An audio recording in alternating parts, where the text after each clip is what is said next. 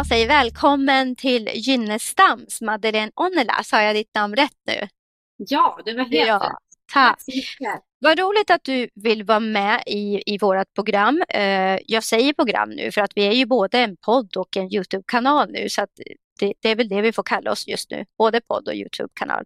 Eh, jag har startat en serie nu där jag kommer att lyfta just det här med våldsutsatta kvinnor och jag kommer prata med olika människor, organisationer, eh, Mm. utsatta kvinnor, poliser och så vidare och så vidare. Och idag så har jag äran att få ha med dig Madeleine och du jobbar ju som advokat och jobbar just med de här frågorna, kvinnofrågorna. Kan du Mm. berätta lite om dig själv?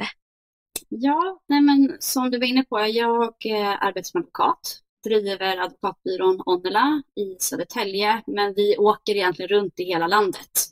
Så att är vi begärda eller att någon vill ha vår hjälp i, i norra Sverige så åker vi dit och även i södra. Så det är en del man reser omkring. Mm. Och byråns inriktning är just våld i nära relation och eh, barnrättsfrågor. Så vi har ju mycket ärenden med den kopplingen. Sen så är det ganska vid ja, ett vitt område egentligen. Den spänner ju våld i relation. Har man varit utsatt för det så är det inte ovanligt att man behöver hjälp både inom brottmål, inom vårdnadstvist, även socialrätt, alltså gentemot socialtjänst och så. Så att det blir väldigt brett, Mm. juridiken, men specialistkompetensen är i den inriktningen. När du pratar om olika brottsmål och så, kan du, kan du förklara för de som lyssnar lite, vad är skillnaden egentligen på de här olika brottsmålen? Ja, alltså om man tänker att man har varit utsatt, eh, vi kan ta ett exempel att man som kvinna har blivit misshandlad av sin man och man eh, lämnar den relationen och man i samband med det kanske gör en polisanmälan, då kommer det ju att bli så att det blir en eh, utredning hos polisen, eh, en förundersökning och det är ju det som vi brukar kalla för brottmål Mm. i allmänhetens ögon och då kan det vara rubricerat som misshandel eller en grov kvinnofridskränkning. Och då är det någonting som egentligen staten driver genom polis och åklagare. Mm. Sen kan ju det aktualiseras att man känner att nej men mina barn är inte trygga hos den andra föräldern och jag vill att barnen ska bo hos mig av den anledningen och då kanske inte den andra föräldern håller med. Mm. Då kan det bli ett vårdnadsmål eh, och det är egentligen en tvist mellan föräldrar. Mm. Och det är ju inte polis och åklagare inblandade i utan det är ju en eh, privaträttslig tvist som handläggs i tingsrätt. Men Okej. i den tvisten så kommer man ju ändå in med socialtjänst och liknande och, och det blir ju också så att är det en anmälan hos polis så går det ju också om det finns barn automatiskt liksom en orosanmälan till socialtjänsten som kopplas in. Mm. Och den orosanmälan tas ju också upp om man då har ett vårdnadsmål så kommer det kanske vara en utredning via familjerätten. Och då kommer den orosanmälan och vad som händer i den från socialtjänsten också tas ner i den utredningen. Så att det är liksom väldigt sammankopplat Ja. om någonting sånt här händer. Mm. Vilket jag tycker är lite problematiskt så som systemet är uppbyggt idag. Att man kan ha så många parallella processer Mm. och de drivs på olika sätt och det är inte säkert att alla aktörer kommer fram till samma sak. Det blir ganska svårt som enskild som inte har någon erfarenhet att liksom kanske manövrera i det här. Nej. Eh, Så det är någonting som jag ibland pratar om att jag tycker det skulle fin- finnas ett behov i rättsväsendet att samla de här målen och Just det här som händer på ett mycket mer effektivt sätt. Mm. Och framförallt utifrån barnperspektiv att vi kanske skulle behöva ha ett helt annat sätt att hantera det här på. Ja. För jag tänker så här, jag, man hör mycket just om det du säger att, att man kommer fram till olika saker, att, Mm. olika, att man tycker olika eller att man kommer fram till olika Ja. i, i utredningar och så. Ja. Eh, ser du det att det är en, en stor problematik i den frågan, att det, att det blir så skilda saker man kommer fram till? Förstår Ja. du hur jag menar? Ja, absolut. Nej, men jag tycker att det är ett problem. Mm. Eh, dels därför att om vi går tillbaka till liksom paraplybegreppet, jag brukar ibland prata om det, så är paraplybegreppet egentligen, om vi då tar en familj och vi tar där det finns barn involverat, som framförallt då blir väldigt mycket parallella processer. Mm. Så i alla processer så ska man ju ha barnets bästa för Mm. ögonen, för det är ju vår barnkonvention som egentligen ligger som ett paraply över allting. Ja. Men vad är barnets bästa? Det är en otroligt komplex och svår fråga. Vi har vissa liksom, eh, principer att förhålla oss till. Men det är ändå ett vad ska man säga, lite flummigt begrepp Om du förstår vad jag menar. Ja. Vad är barnets bästa? Du kanske tycker någonting, jag tycker någonting. Och även enskilda kan tycka olika. Och då för att göra det ännu svårare så är det också så att när det gäller olika processer så är det olika beviskrav. Mm. Exempelvis i brottmål, då ska det vara ställt utom allt rimligt tvivel. Mm. När det gäller vårdnadsmål är det ett typ av beviskrav. Ja. Och när det gäller socialrätt, om vi tar, man pratar om LVU-processer, alltså lagen om vård av unga, Mm.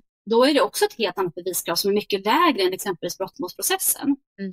Och sen har vi på det enskilda handläggare som kan göra olika bedömningar. Och sen har vi, och det visar ju tyvärr många kartläggningar nu, att vi har en bristande kunskap och faktiskt kompetens Mm. på de som handlägger och utreder de här frågorna. Och det är ju ett jätteproblem. Då blir det ju, som jag som jurist tycker, att det blir rättsosäkert. Mm. Att det, liksom, det ska inte vara ett lotteri om man Nej, anmäler någonting och väljer att lämna, utan man ska veta att lämnar jag en våldsam relation, då ska jag ha rätt till det här, det här och det här. Mm. Och det har man enligt lagstiftningen, men tyvärr i praktiken så ser jag att man får väldigt olika bemötande. Också olika kommuner är olika. Mm. Olika, mm, ja, olika resurser, olika ekonomier i kommuner kan också påverka, vilket det inte ska Ja. vara såklart. Nej.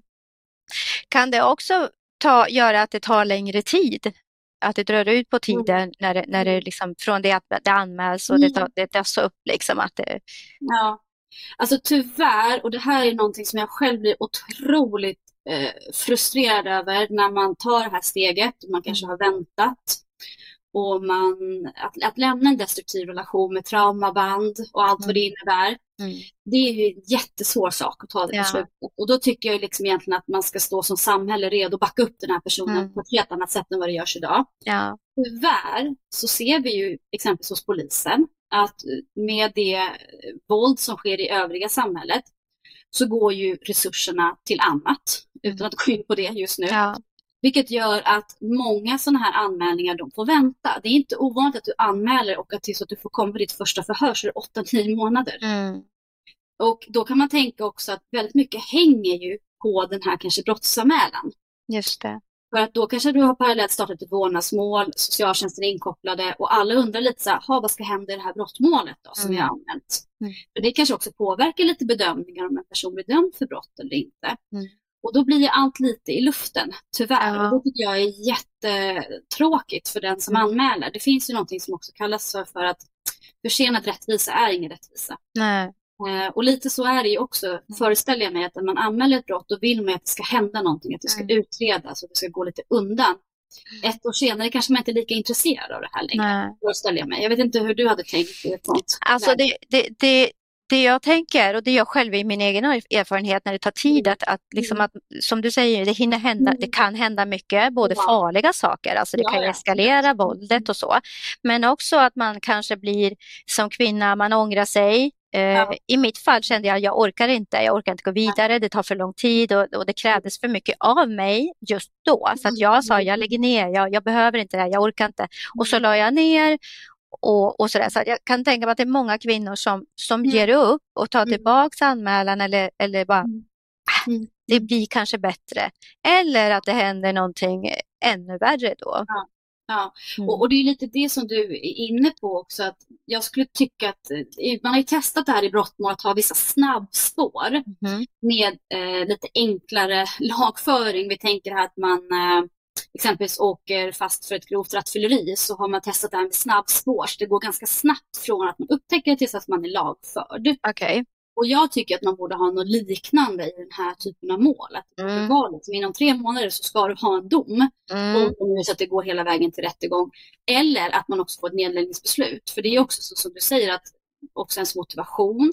Mm. Man kanske också mår väldigt dåligt. Och har man barn då ska du också kanske fortsätta ha kontakt med den här personen parallellt. Och då finns det hela tiden också en risk att man får det här, man brukar prata om det här med traumabandet, att man går fram och tillbaka i en sån här det. relation. Mm. Och det ökar ju också. Eh, Mm. Medan om någon exempelvis skulle få ett straff eh, så kanske det antingen kan bli någon typ av insats för den personen. Mm. Men, men i vart fall så får man någonting på papper att hålla sig till. Och även om det finns barn får, får man tydligare för socialtjänst och liknande.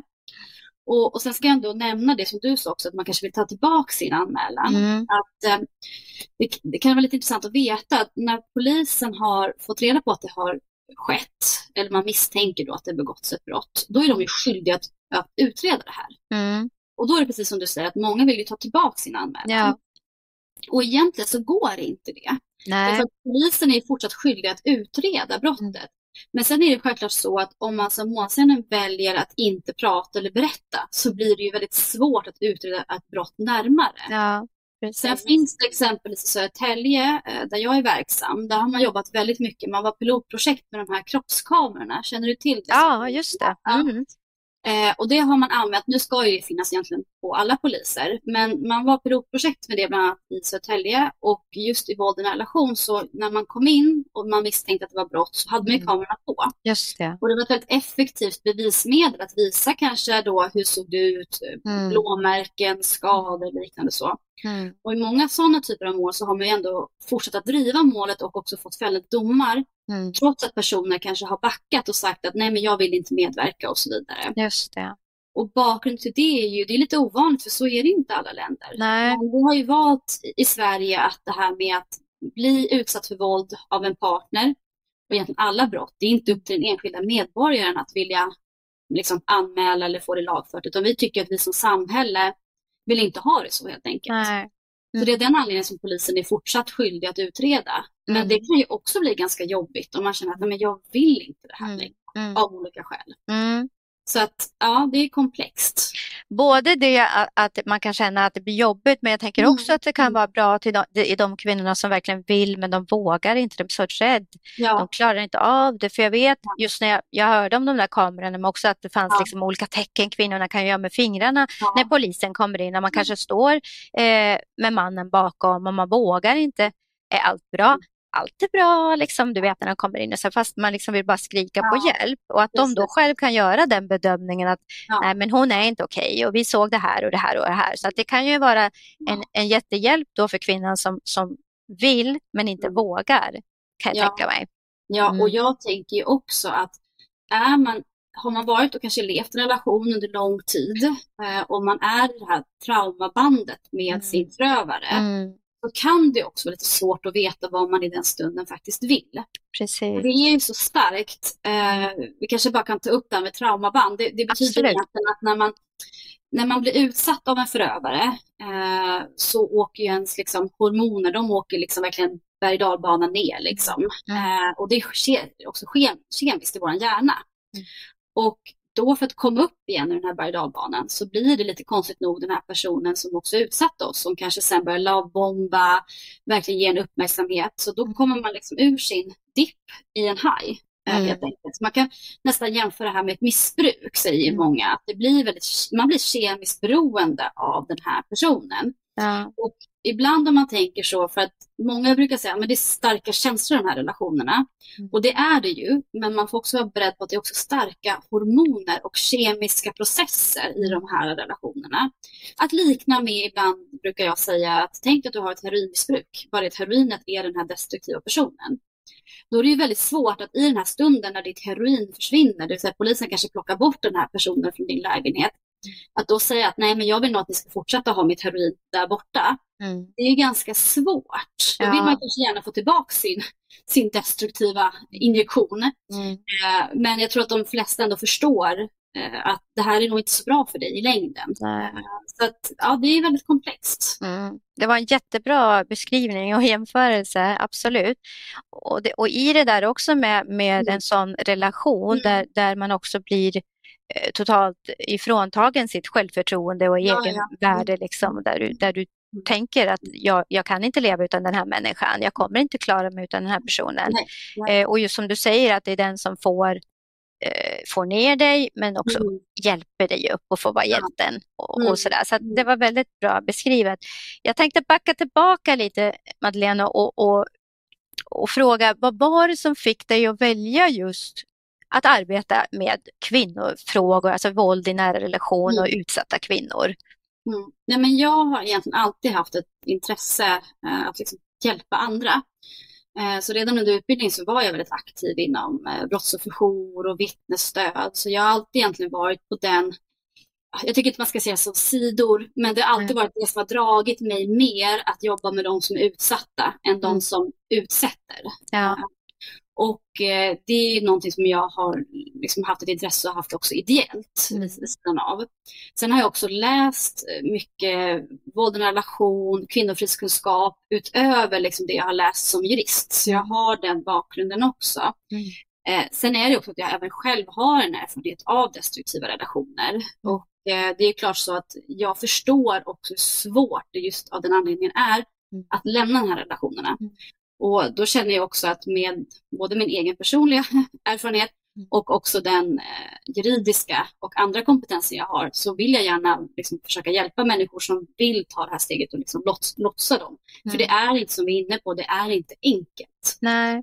Och sen startade jag eget för eh, ja, några år sedan eh, och då får man lite mer möjligheten som anställd att verkligen liksom nischa in sig på ett annat sätt. Det är liksom det är jag som bestämmer helt enkelt ja. hur vi ska driva byrån och vilka frågor vi ska lyfta. Eh, så att jag har ett jättebra team också med anställda som har samma liksom, hjärtefrågor som mig som jobbar liksom, med samma värdegrund, vilket mm. också är jätteviktigt. Så att mm. det är lite kort bakgrunden varför ja. den här inriktningen. Och jag tycker det är jätte, jättefint det du säger för att hur det än är så kan det väl ofta vara mm. att man eh, kanske i okunskap eller ja. Eh, brist på erfarenhet eh, mm. manligt, kvinnligt, jag vet inte vad, kan göra att det kanske är svårare att mm. relatera till eller förstå kvinnan. För att ja. ett, ett problem, och nu säger inte jag att just rättsväsendet eller organisationer eller, eller så som, som säger, men samhället i sig har ju kanske svårt att förstå ibland. Mm. Eh, och där vi kommer att prata mer i ett annat avsnitt om just det här, liksom, men varför mm. lämnar du inte bara? Varför, varför ja. går du tillbaka? Och det, här, den här liksom, och det handlar egentligen om en okunskap. Och där besitter du då liksom både din utbildning men också en mm. väldigt tråkig men viktig erfarenhet eh, där du kanske vet extra liksom, vad ja. de här kvinnorna behöver och vad de går igenom, vad de känner eh, och så. Mm. Nej, men och lite som du är inne på också, att så här, av egen erfarenhet, jag betedde mig väldigt, eh, när jag ser tillbaka i, i backspegeln, väldigt irrationellt mm. eh, efter att saker och ting hade hänt. Eh, som är så här, för mig även idag kan jag inte förstå Nej. hur jag kunde reagera, just det här väldigt tydliga traumabandet, eh, hur man söker bekräftelse av sin förövare och liknande. Och jag tror att har man inte varit med om den processen, du kan läsa dig till det, precis som du kan läsa dig till ett missbruk och hur det fungerar och så, men har du inte liksom själv behövt avtända mm. så, så vet du inte faktiskt med all respekt hur det känns. Sen Nej. har alla också sina egna erfarenheter. Mm. Och det är också väldigt viktigt när man jobbar med de här frågorna att jag har min erfarenhet och den har jag jobbat mig igenom. Mm. De jag träffar har sina erfarenheter och sina processer. Mm. Och de får man aldrig heller gå in och ta över. Eh, alla människor har ju sina bevekelsegrunder och hur de tycker och sin unika situation. Mm. Um, så det måste man också vara medveten om så att man inte själv liksom sitter och för över egna saker eller så, mm. utan att man håller den här professionella distansen. Ändå att man har en erfarenhet också som någonting jag tycker vårt rättssystem, att där finns det också kartläggningar som visar att det är en brist på kunskap. Mm. Och om vi då pratar vårdnadstvister så gjorde Jämställdhetsmyndigheten en rapport för eh, något år sedan som heter Våld är inget undantag. Och mm. där, där visar man på stora brister mm. hur man hanterar de här målen när det förekommer uppgifter om våld. Mm. Och att man inte särskiljer då, som de själva tycker, jag tycker är ganska bra citat, samarbetsproblem mm. är inte samma sak som våld. Eh, det, det, är två olika saker och de mm. två sakerna ska hanteras olika. Är det två föräldrar som bråkar, så som de flesta kanske gör när man separerar, mm. Då, då, är det kanske en sätt att hantera på. Men är det här en typ av eftervåld och någon har varit våldsam i relationen så borde man hantera annorlunda. Mm. Och där kan det ibland vara också så här, folk säger så här, men det är alltid uppgifter om våld i vårdnadsmål och sådär. Mm. Och, och, för det första så är det inte alltid det, men det, i, i merparten av målen så är det mycket uppgifter om våld. Mm. Men å andra sidan om man vänder på det så är det inte så konstigt tänker jag. Nej. Jag tänker en relation som är ändå sund, där man väljer att gå ifrån varandra, där kanske man också kan fortsätta att co-parent på ett bra sätt med barn utan att blanda in rättsväsendet. Mm. Har det varit en våldsam partner, då är det inte så konstigt att det inte går. För att man ser ju att det här eftervåldet, det fortsätter ju. Ja. Och där tycker jag att där måste vi bli mycket bättre mm. så att inte vi i rättssystemet blir enablers. Just de möjliggör att det här våldet mm. fortsätter. Mm. Och ett sådant exempel det kan också vara med bodelningar. Mm. Alltså bodelningar är ju det som sker efter man ska eh, fördela sina tillgångar. Mm. Att egentligen det kan fortsätta väldigt lång tid och det kan bli väldigt dyrt, vilket gör att den partnern som är ekonomiskt starkare mm. kan ju verkligen använda det här emot den partnern som inte har samma ekonomi. Och det är samma sak där, där vet vi också att har det varit våld i en relation så har det även ofta förekommit även ekonomiskt våld. Just det. Vilket gör att, precis som du var inne på, vi har en partner som är alldeles nedbruten, kanske inte orkar, kanske även har PTSD. Mm har inte haft koll på sin ekonomi kanske för att partnern kanske varit den som haft koll på ens kort, mm. ens bankuppgifter och allting. Och sen ska den orka ha liksom en rättsprocess som kostar pengar om hur exempelvis huset ska fördelas. Mm. Eh, där tycker jag att där borde vi som rättsväsende verkligen gå in och ha sen, okej okay, de här processerna de kan inte få kosta hur mycket som helst och mm. de kan inte ta hur lång tid som helst. Mm. Men som det ser ut idag kan bodelningar verkligen dra ut på tiden och verkligen kosta. Och jag vet att det ligger förslag och man pratar om det på politisk nivå att ändra det här. Mm. Men det är bara ett sånt här enkelt exempel att har man lite kunskap om hur det kan funka och med eftervåldet så borde det inte vara så svårt att ta till sig att lagstiftningen kanske behöver uppdateras, tänker jag. Ja, precis. Mm. Jag tänker på det du säger, det här med, med ekonomiskt våld, om vi ska beskriva ja. lite vad det innebär. För det är ju så att det finns olika typer av mm. våld, eh, ja. men det man mest pratar om det är ju ja. det, det, fysiska, ja. Eh, det som syns utanpå. Mm. Eh, kan du beskriva lite skillnader på, på de olika ja, våldstyperna? Eh, man brukar prata om, det finns något som kallas här makt och kontrollhjulet. Jag vet inte om du har sett det. Mm. Den är som tårtbitar egentligen på olika typer av våld. Och de går ju självklart in i varandra och syftet är ju att ha just makt och kontroll över en annan person.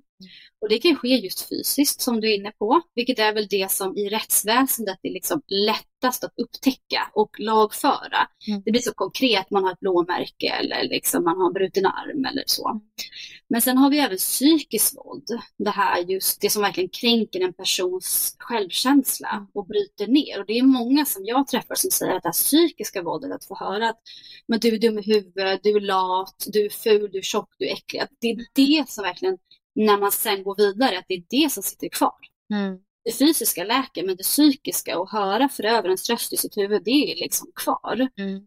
Och det är ju väldigt svårt. Man kan ju ha exempelvis förolämpning har ju funnits för att lagföra exempelvis. Mm. Men det har ändå varit svårt att, att lagföra det här. Och nu ligger det ju ett förslag att även psykiskt våld ska ju bli olagligt. Så det ligger ganska, kommer ganska långt fram i lagstiftningsprocessen. Så det kommer nog komma. Mm. Men sen har vi även ekonomiskt våld. Eh, och det är just det som jag var inne på, att man mm. kontrollerar kanske någons ekonomi. Kanske mannen har koll på ens bankkonton. Den som sitter och kollar på kvällen, vad, vad har du köpt under dagen? Mm. Var den där lappen nödvändig exempelvis? Och inte utifrån att man har så lite pengar då att man får vända på kronorna för en latte, utan mer för att du ska gå direkt hem efter jobbet. Du ska inte sitta och ta en latte med din kompis. Liksom. Men någonting som också kan vara vanligt, det är ju exempelvis det här med penningtvätt. Mm. Eh, kan jag också bara liksom varna för. Alltså penningtvätt är ju väldigt lätt, det är ett brott mm. som är väldigt lätt att inom situationstecken råka begå. Ja, eh, mm. Alltså du får in pengar på ditt konto och du förs över. Och där har du, kan man bara nämna, en ganska stor egentligen skyldighet att få in pengar på ditt konto. Det behöver inte vara så stora summor heller, så du behöver liksom kolla lite på vad är det här för pengar, var kommer det ifrån? och liksom vart ska och så. För annars är det lätt att åka dit för en penningtvätt. Mm. Och där finns det många partner som även utnyttjar sin tjej och, säger, liksom, och använder liksom Swish-konton och bankkonton och liknande för att liksom penningtvätta. Mm. Och det kan ju också vara så att det är inte ens du som har kontroll. Uh, men det kan också vara så att personen säger så ah, men snälla kom igen, liksom. det når inte upp till den gränsen att du är utsatt för ett tvång eller att du är tvingad eller rädd för ditt liv. Men du känner ändå en press mm. som kanske inte är ansvarsbefriande utifrån ett, en domstols ögon, men du är ändå så inne i det här liksom. Mm. Så att sådana saker händer, eller att man också ganska vanligt tar lån åt din partner så att du blir skuldsatt. Du kanske betalar för saker och ting som du inte egentligen vill betala för. Det är sådana typiska ekonomiskt mm. våld man kan råka ut för. Du får betalningsanmärkningar. Det kan också vara efter en separation att kanske lägenheten står på dig mm. och helt plötsligt så betalas det inte elen som personen brukar göra och så får du en betalningsanmärkning. Det är ju väldigt tråkigt. Liksom. Ja. Så det är det och sen finns det även sexuellt våld som man ändå kan tycka hör in även under det fysiska våldet. Mm. Det är ju någonting som vi tyvärr ser att även bland unga. Det. det är därför jag tycker det är så otroligt viktigt att prata om de här frågorna. För att jag tänker som för dig och mig, man tänker ju att våra unga idag, de är så medvetna, de har tillgång till information. Det borde väl bli bättre, vi pratar om jämställdhet i skolan och så. Men det tyvärr studierna visar att även våra ungdomar, det går ju upp. Det går ett mm. helt fel håll i statistiken. Vad tror du det beror på? Ja, ja, man pratar ju alltid statistik är lite lurigt för man vet ju inte heller om det är att folk kanske uppmärksammar det mer. Men, men jag tror ju att att vi lever i ett annat typ av samhälle, det är lite hårt och också sociala medier eh, tror jag tyvärr bidrar. Vi vet ju inte riktigt, det är likadant som med porr. Mm. Om vi då pratar om sex, mm. då kom ju SVT kom ju med, kan jag också tipsa om, eh, en dokumentär som heter Hårt sex. Har ja, just det. Ja. Jag har inte sett den, men jag har hört, hört talas om den. Den är ganska bra och jag tycker den speglar också väldigt tydligt det jag också ser. Eh, att många ungdomar som jag också träffar, trots all den här informationen som finns på nätet, sociala medier, skola, sexualkunskap, så har inte riktigt våra ungdomar koll, upplever jag, de jag träffar, på sina sexuella rättigheter. Nej. På vad man får säga nej till, hur man har en schysst liksom, relation och hur man är schysst i sängen och allt det där. Mm.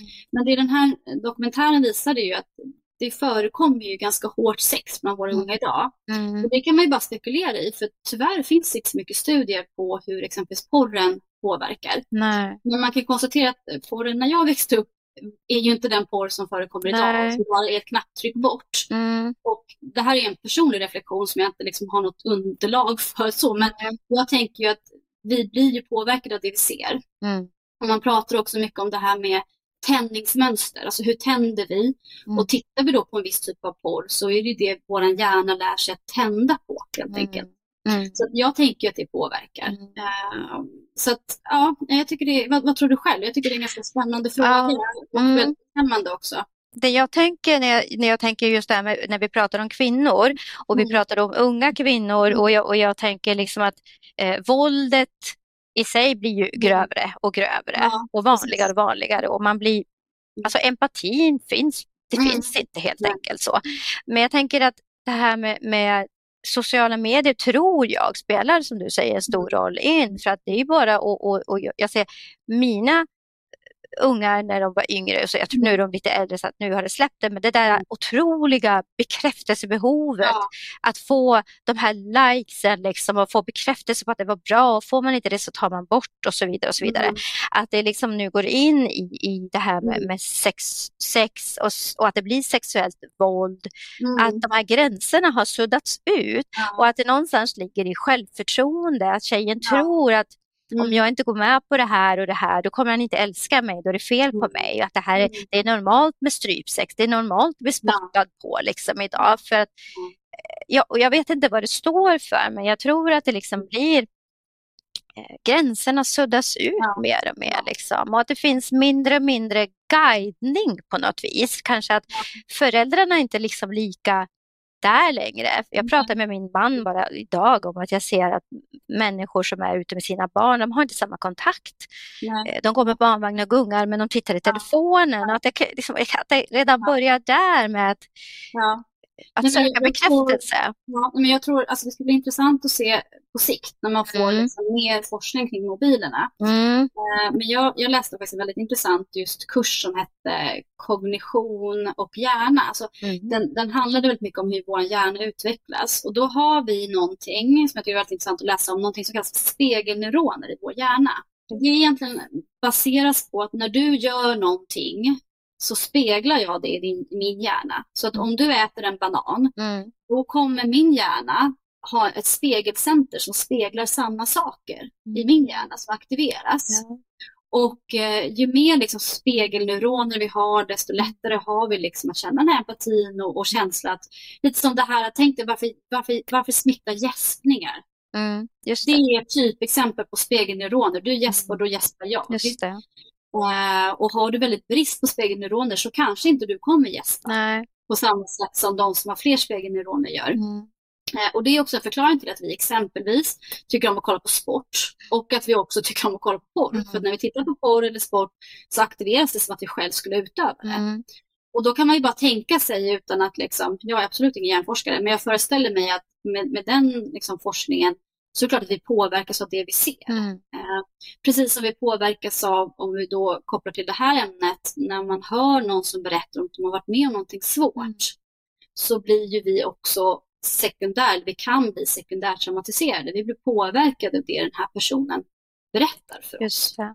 det. är också en sån att det förs över mm. eh, det som du berättar för mig. Eh, och det kan vara olika. Det är därför exempelvis när man jobbar med det här och lyssnar eh, på, på människors trauma mm. så ska man ju också ha speciellt förhållningssätt så att inte vi blir för smittade. Vi ska ha empati mm. med det som personen eh, berättar. Mm. Men vi får ju inte heller gå in och liksom ha den personens känslor i oss. Yes. Vi ska ju agera professionellt. Mm. Uh, och, och, det är sådana här verktyg som man, kan, man jobbar med helt mm. enkelt. Mm. Jätteintressant. Vi ska ta en liten kort paus nu och sen så ska vi fortsätta prata vidare. Det här är så himla viktigt och intressant så håll kvar så är vi snart tillbaka.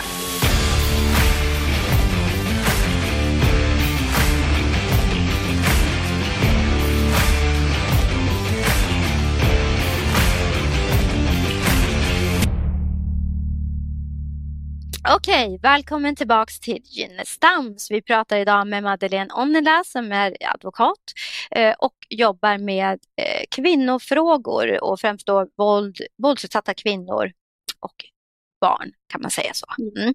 mm. Eh, jag tänkte fråga dig nu Madeleine, när man som kvinna har levt i en våldsam relation och väl liksom tagit kommit så långt, för det är en lång resa dit, mm. att ta beslut, det här är inte bra för mig, jag måste ur det här antingen för sig själv eller ännu hellre om man har barn också i en relation.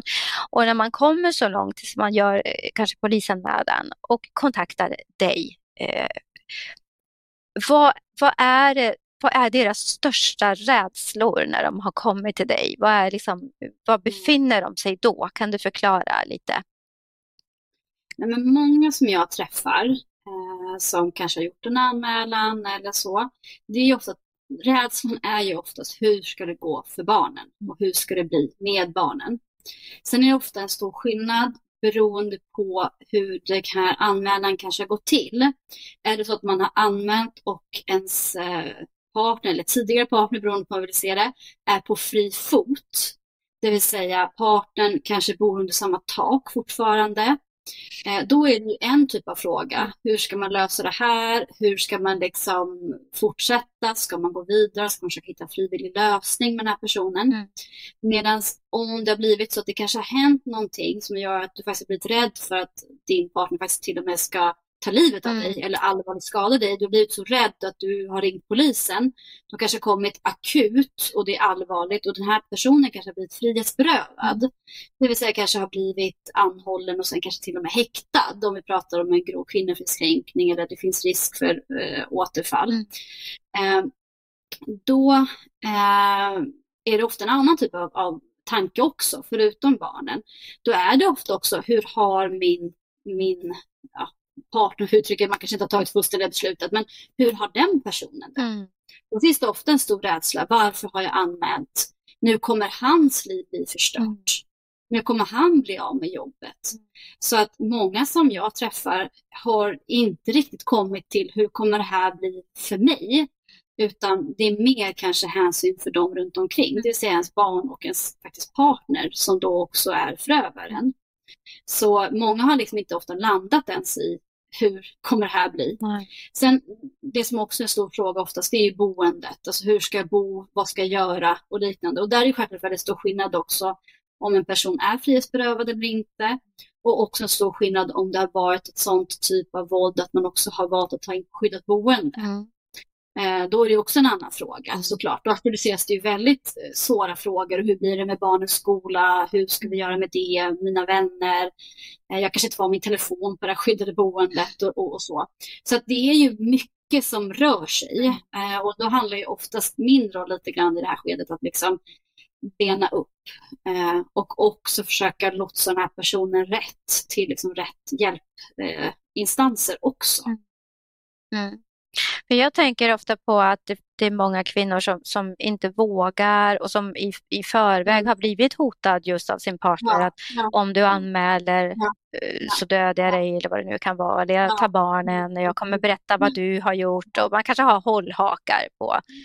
Som egentligen kanske inte är någonting men kvinnan har blivit intalad att det liksom att jag kan, jag, jag, kan inte gå vidare för då kommer det här hända. Och som du säger att mm. man får, man lägger liksom skuld på sig själv. Ja, exakt, mm. och, och också lite som, eh, som vi var inne på lite innan också, mm. off cam. Mm. Eh, någonting som också kan vara, det är ju att man kan ha många rädslor mm. eh, och många är ju också rädda för socialtjänsten. Just eh, framförallt många jag träffar som eh, har också blivit väldigt skrämda och en del som kanske inte är födda i Sverige eh, utan har kommit liksom som vuxna.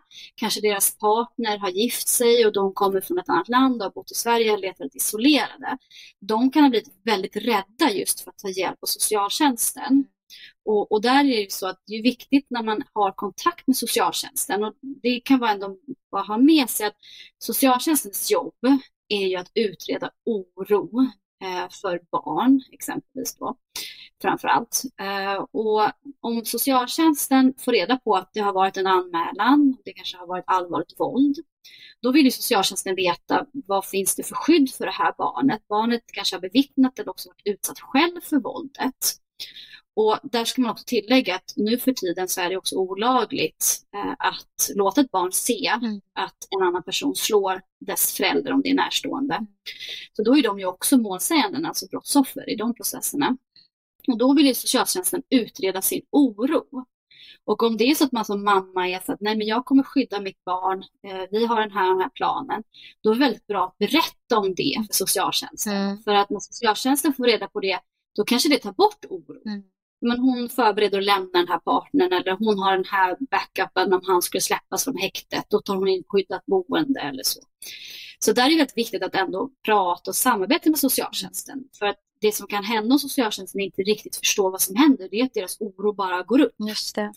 Eh, och det tror jag är en ganska så här, mänsklig faktor, att du får kontakt med socialtjänsten, du kanske är jättetrött, du kanske är rädd för dem, då säger man liksom ingenting. Nej. Eh, och det kommer ju också in ibland och då kan det bli väldigt stora missförstånd. Mm. För att socialtjänsten, om man nu ska vara lite förenklad, om du inte pratar med dem, om du inte släpper in dem, så kommer deras oro bara eskalera. Mm. Medan om du pratar och liksom berättar hur du tänker mm. så är du också mer hjälpsökande och mottaglig om du tar emot deras hjälp. Mm. Så det kan man också bara ta med sig. Mm. Många är rädda för det. Mm. Och då kan det också vara bra att prata med en advokat. Mm. Eh, ta in och fråga hur ska jag agera? För en del personer de, de liksom bara lägger på när socialtjänsten ringer. Och det blir ju inte jättebra. Liksom. Sen kan det också vara att man har egen oro för att i många av de här relationerna så vet vi också att eh, det kan ha förekommit ett eget eh, beteende också. Alltså att man har blivit, det finns något som kallas för reaktiv misshandel. Du kanske själv har blivit så provocerad någon gång att du har slagit den här personen. Mm. Eh, du kanske har blivit filmad, att en person har provocerat dig och du kanske har skrikit jättefula saker mm. den här personen och det finns filmer på det. Mm. Och då har ju ofta den här förövaren hotat dig med att men kolla det är ju du som är knäpp i huvudet och här står du och skriker och framför barnen och socialtjänsten kommer ta dina barn. Och, så mm. och de rädslorna är också rätt viktigt. Ja, men jag, exempelvis jag slog också och, och, och, det vet vi att exempelvis om en person håller på att strypa dig och du knäar den mm. personen mm. så är det ett självförsvar. Mm. Men du kan fortfarande vara väldigt rädd för att berätta om mm. det. Och det kan det också vara väldigt viktigt att våga lyfta de frågorna. Och um, där är det lite, där är ju min roll väldigt speciell. Mm. Jag har ju en absolut tystnadsplikt. Mm.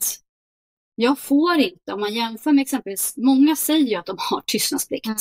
Och det har ju väldigt många. Men de allra flesta av tystnadsplikt som bryter ifall att det finns en oro för barn eller liknande, då måste man göra orosanmälningar och sånt där.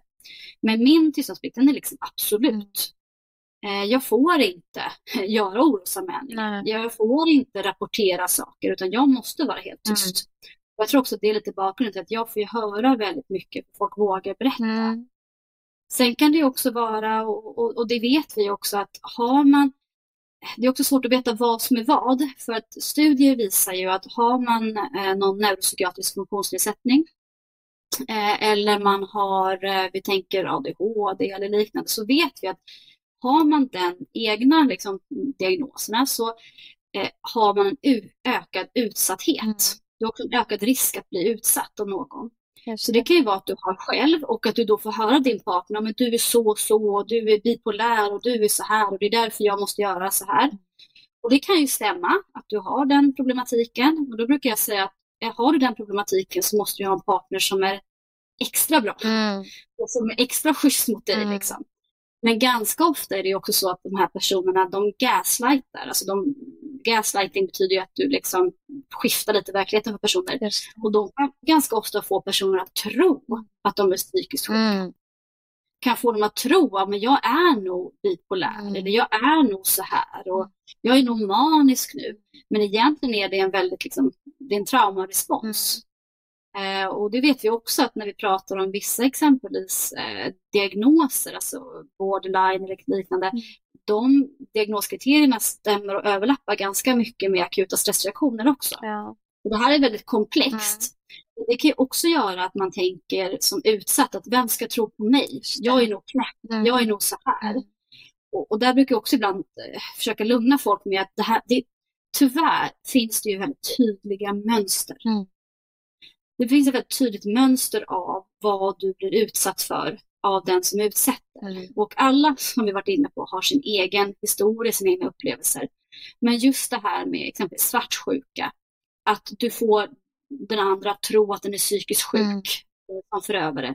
Det är väldigt klassiskt. Mm. Så när vi professionella får höra det så är vi lite så här, ja, okej, igen. Mm. så. Ja. Medan den som är utsatt tror ju på det här mm. såklart. Eh, och där kan det också vara väldigt skönt att få bolla det här och det är därför jag också tycker det är väldigt viktigt att är du i den här processen att lämna, ta hjälp. Mm. Ta liksom hjälp från en kvinnojour. Mm. De har jättebra hjälp och stöd.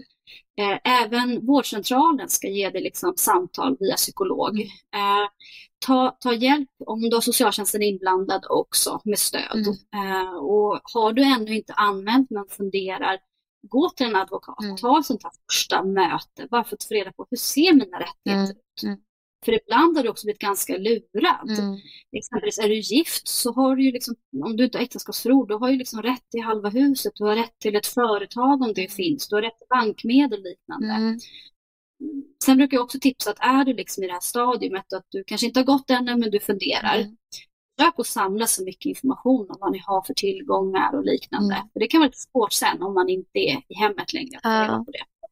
Jag tänker att det handlar mycket om tillit, vilket man kanske absolut ja. inte har i det läget. Att då liksom eh, våga lita på en annan människa när man precis ja. försöker ta sig ur ett förhållande mm.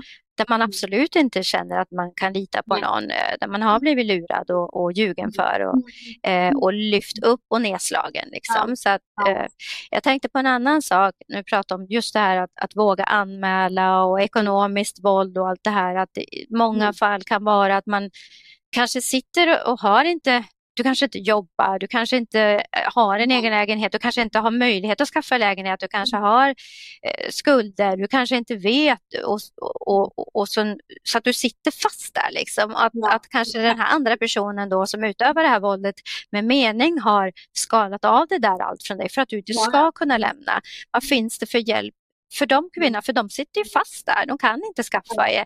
Och då tänker jag, innan jag släpper frågan till dig, tänker jag på att man idag då ger hjälp till ja. människor som vill lämna gängkriminalitet och så. Där får man hjälp med bostäder och, och, och, så för att komma ur det här. Men det finns inte ett sådant program för kvinnor som vill, att det, att det finns inget ett lämna-program. Visst är det så? Ja, och det där är en fråga som jag lyfter mm. så fort jag får tillfälle mm. ungefär. Eh, men jag är inte ensam om det. Eh, det är ju fantastiskt att de som vill lämna mm. kriminalitet får det stöd och den hjälp Absolut. som de får. Mm. Men jag tycker ju att varför får inte utsatta kvinnor som mm. då även ofta har barn samma hjälp? Mm. Eh, för det är ju alltså boendet och jag som är verksam mycket i Stockholm och jag kan tänka mig att det ser liknande, liknande ut i landet också. Det är ju det största problemet. Ja.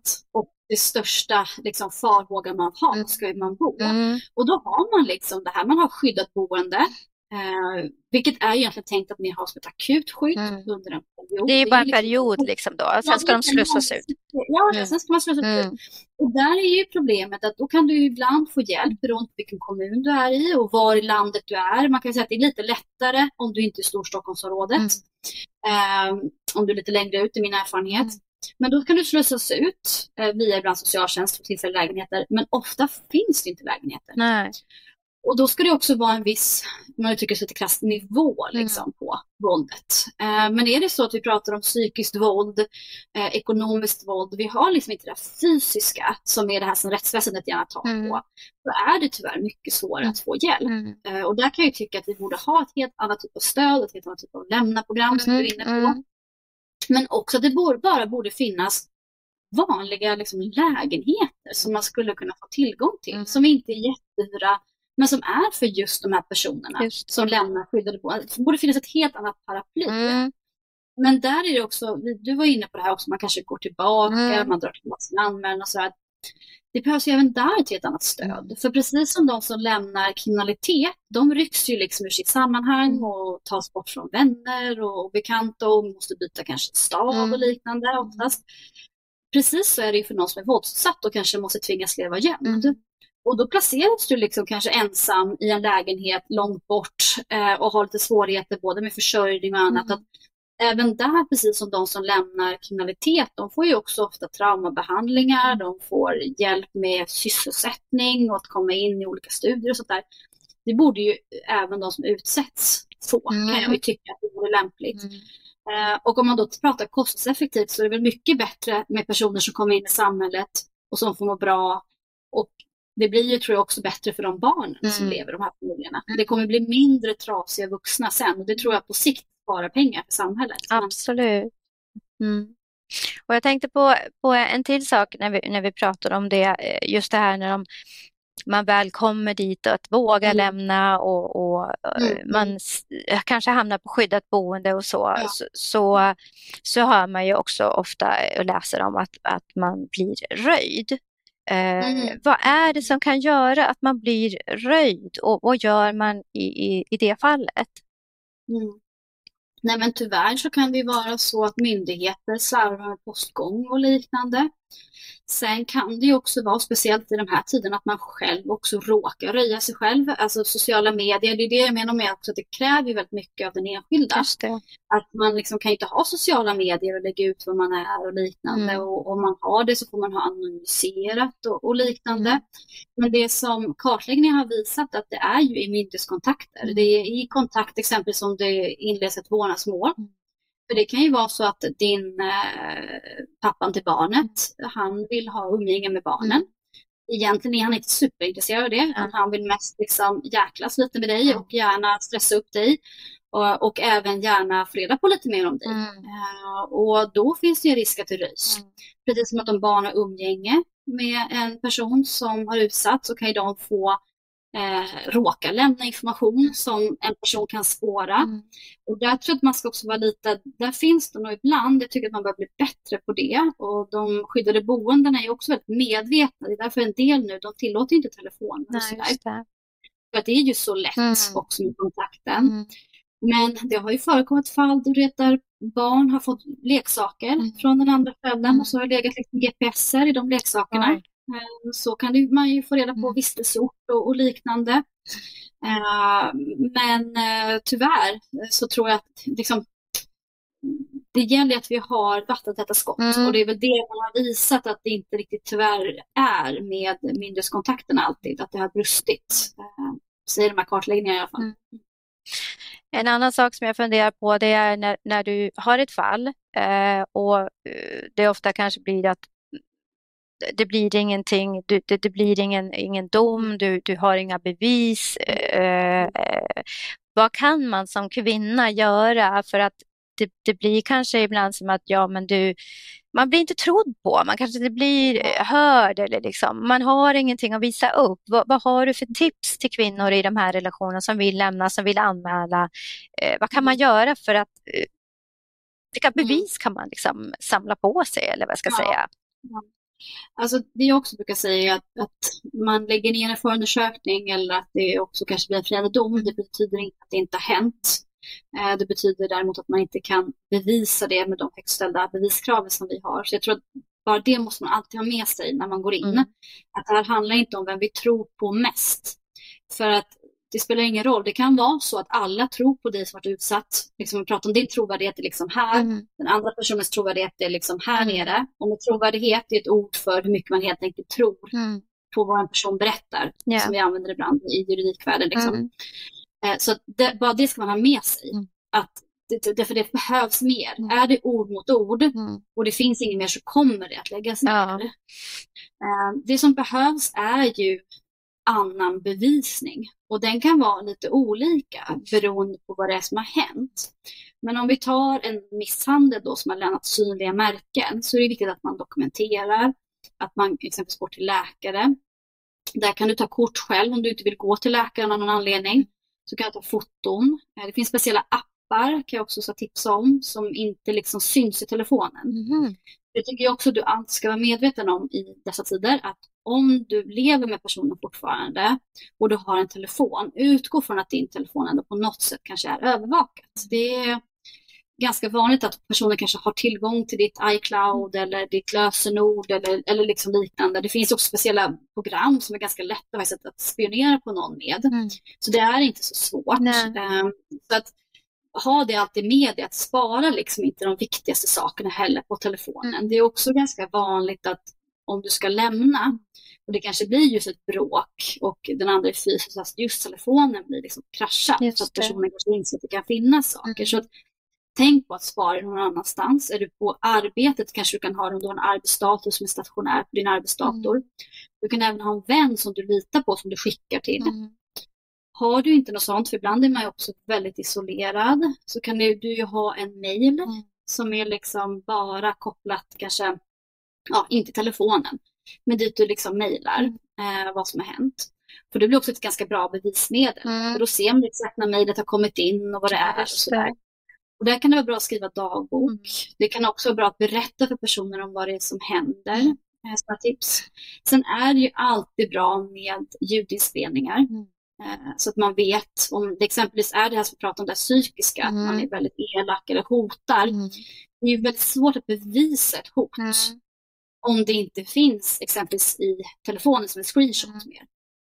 Eh, då kan det vara bra att ha ljudinspelningar. Och där ska man också ha med sig att det är lagligt att spela in när du själv deltar i samtalet. Mm. Då får du spela in mm. alltid. Men däremot så ska du vara lite vaksam på att om vi säger att du har en ljudinspelning och sen så lämnar du rummet mm. för du kanske går på toaletten eller du är inte med i samtalet längre. Mm. Då blir det liksom olagligt att ha den inspelningen. Mm. Och det är inget du kan använda då helt enkelt så? Nej, det finns ju risk ja. du har ju egentligen begått ett brott. Ja, precis. Så. Mm. Där väljer väl en del personer ändå att använda det därför att så. Mm. Eh, men det är ju olagligt mm. så det är väl absolut ingenting som vi ska Nej, absolut. Men, men, men, eh, men, det är så att bara för många, en del är så här, men gud, får jag spela in fast jag inte sagt mm. till? Och då är liksom det enkla svaret att ja, mm. så länge du själv deltar i samtalet så får du det. Mm. Någonting annat man ska, ska tänka på, det är ju att om du tar screenshots eller tar bilder på, du kanske får ett hot eller en otrevlig konversation, mm har du kanske lagt in liksom i telefonen min älskling. Mm. Så att du ser, alltså namnet syns men inte telefonen. Ja, i kontakt, ja okej. Okay. Mm. Alltså, om du tar en screenshot mm. på den, mm. och anledningen till att jag gör så här nu också, att ibland kan det vara bra om du har en annan telefon mm. och fotar av telefonen med. För det blir också ännu tydligare då att du kanske inte har mixtrat med bilderna. Just det. Eh, men att också ta bort om du har lagt in kontakten med ett namn mm. så att det är telefonnumret som syns. Okay. Mm. Annars skulle man ju potentiellt kunnat liksom lagt in min älskling och skickat från en annan telefon. Just det. Så det blir ett bättre bevisvärde mm. om det är så att numret syns. Mm. Likadant är det ibland, många skriver på exempelvis Instagram mm.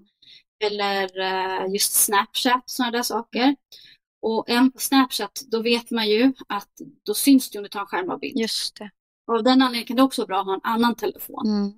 Och det man ska tänka på med Instagram också är att Instagram är en av de få apparna där du bara, liksom, du kan ju bara radera meddelandena mm. utan att det syns. Mm. Så att är det känsligt, du kanske själv känner att gud nu har jag varit jätteotrevlig här liksom, för att den andra personen har skrivit så otrevligt här uppe liksom. då kan det vara bra att spara det. Mm. För att potentiellt kan ju någon bara ta bort annars, hela tråden. Så att man sparar det. För att annars om man tänker på Messenger och sådana ställen, där tror jag att det syns att du skriver återkallat mm. meddelande. Du ser i alla fall att det är någonting som saknas i tråden. Mm. Uh, så det är lite sådana små tips som man kan ta med sig. Uh, även foton, det är så att du har tillhörigheter eh, ni kanske har fina saker hemma eller liknande, det är väldigt olika. Då kan du bara fotografera vad ni har hemma mm. inför en eventuell bodelning eller så. Om du tror att det finns en risk att den andra parten kanske bara gör sig av med allting. Mm. Eh, men det är mer inför det kanske ekonomiska än för att liksom, eh, stödja eh, ett brottmål. Det. Men det är sådana där saker mm. som ändå kan vara viktigt att ta med sig. Mm. Så det är väl både Ibland klagar man mycket på den här digitala eran, men samtidigt så gör den ju möjligt att spara bevisning på ett helt annat sätt än vad det kanske funnits tidigare. Precis. Alltså det är ju verkligen jättebra tips. Eh, toppen.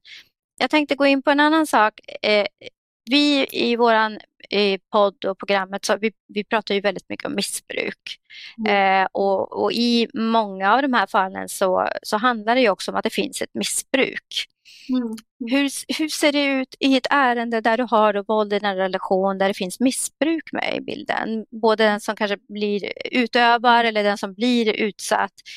Jag kan tänka mig att som utsatt då bli hotad mm. att ja, men jag kommer tala om att du har tagit droger eller vad det nu kan vara eller, eller något sånt där. Eller att den som utövar är påverkad och blir mer aggressiv. Alltså, hur ser du på, på, på den delen? Ja, alltså man pratar ju mycket om just missbruk, att det blir en dubbel utsatthet om du också själv är i ett aktivt missbruk och är utsatt. Mm. Eh, för att tyvärr det man ser i statistiken är ju oftast att du är ofta mer utsatt om du är inne i ett missbruk också. Mm.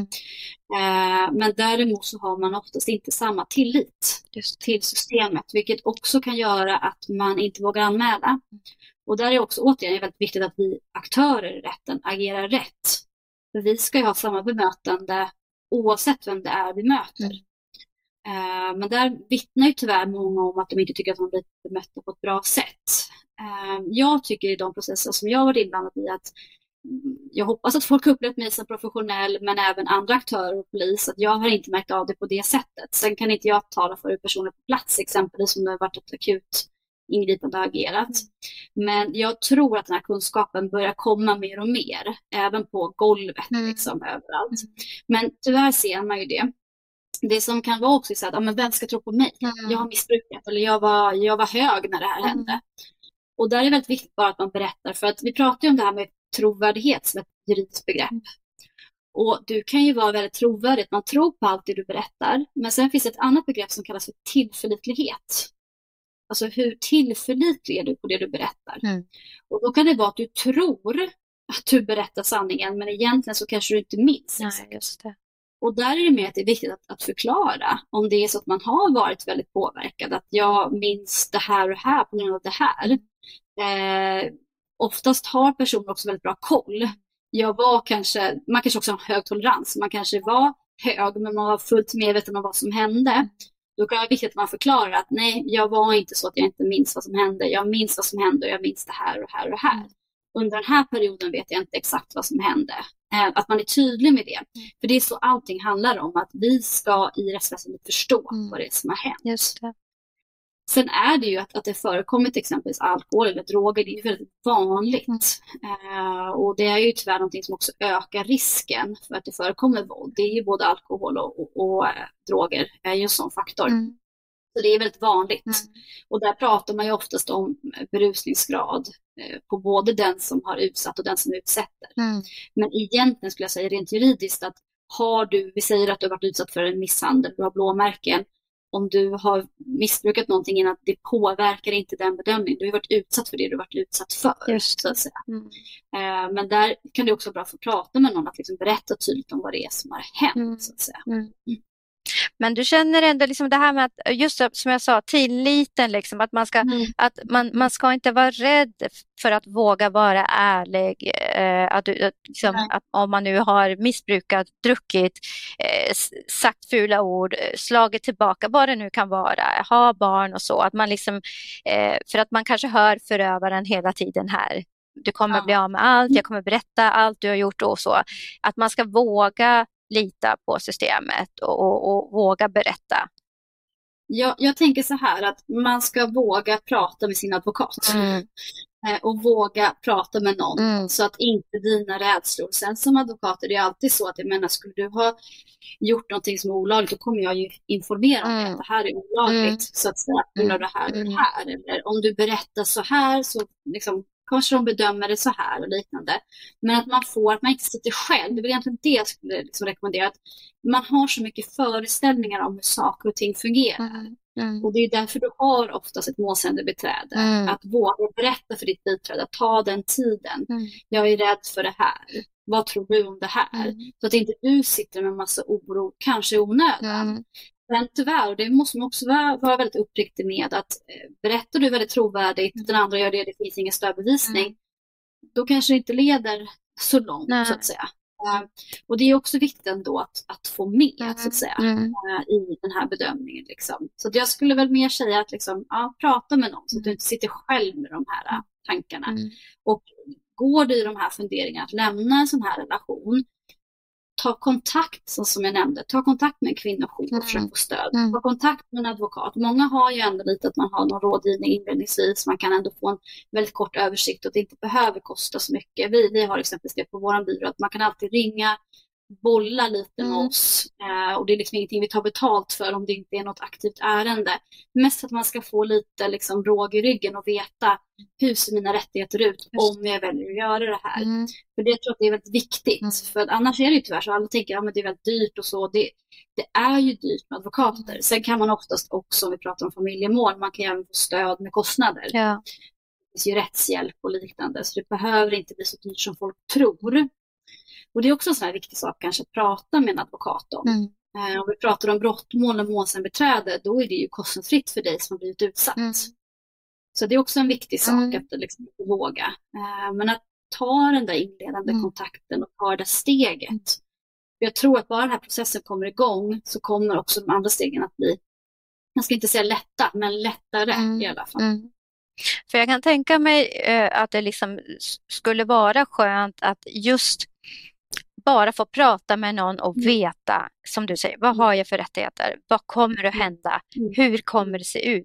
Har jag ens en chans? Är det någon idé? Kommer jag orka? Och, sådär. Och bara få liksom, prata med någon och kanske som du säger gratis för att känna okej, okay, det, nu har jag pratat med en person som kan det här, kanske då inte min förövare som, som man kanske lyssnar på mest.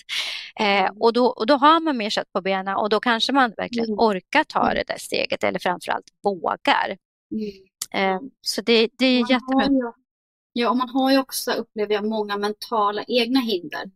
För man inser ju någonstans, du lever ju med en förövare mm. och att lämna en förövare är inte lätt. Nej. Alltså det, det, tror jag de flesta inser det. De flesta inser att den här utbrottsprocessen, eller uppbrottsprocessen, mm. den är ju svår. Mm. Och det ska man ha respekt för. Mm. Man ska också ha respekt för att den här uppbrottsprocessen, att lämna en person, det är också den farligaste ja. Eh, delen i den här relationen. Tyvärr, de flesta dödsfall sker ju i samband med skilsmässa, att man vill lämna. Mm. Och där måste man också ha en skyddsplan. Det är därför också viktigt att prata med någon om det har förekommit våld. Eh, därför att du är ju också normaliserad. Mm. Ingen vill ju tänka att partnern, kanske pappa till mina barn som är jättesnäll 90 procent av tiden men inte så snäll 10 procent, han ska faktiskt kunna döda mig. För det är faktiskt det vi också pratar om. Vi pratar om att det förekommer dödligt våld. Det kan vara väldigt viktigt att prata om med någon också innan du tar det där steget också. Vad har jag för skydd? Vad händer? Har jag min kompis Anna som står där utanför porten och väntar mm. på att det kanske kommer ljud så att det inte händer någonting? Mm. Eh, och sen med det sagt så ska man ha med sig att det kan ju vara minst lika farligt, om inte farligare, att stanna i relationer också. För tyvärr, det många tänker är att ja, men det kommer bli bättre eller apropå missbruk, men nu kommer han sluta dricka, då blir det bra. Mm. Liksom. Men tyvärr, det vi ser är ju att det här är en nedåtgående spiral. Alltså våldet blir ofta mer frekvent, det blir ofta också grövre mm. och det blir mer omfattande. Och en del tänker så här att, också apropå föreställningar, ja men det är en bra pappa, han är snäll mot barnen. Mm. Och då brukar jag lyfta att ja, men en pappa som inte är så schysst mot mamman och kanske gör henne helt mentalt slut, mm.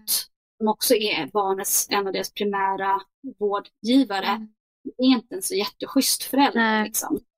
Så man har ju många sådana tankar och där märker jag också så att den här kärnfamiljsnormen och även jag som jobbar ganska mycket också i miljöer där det förekommer mycket hederskontext. Mm. Där, den är ju fortfarande otroligt stark. Mm.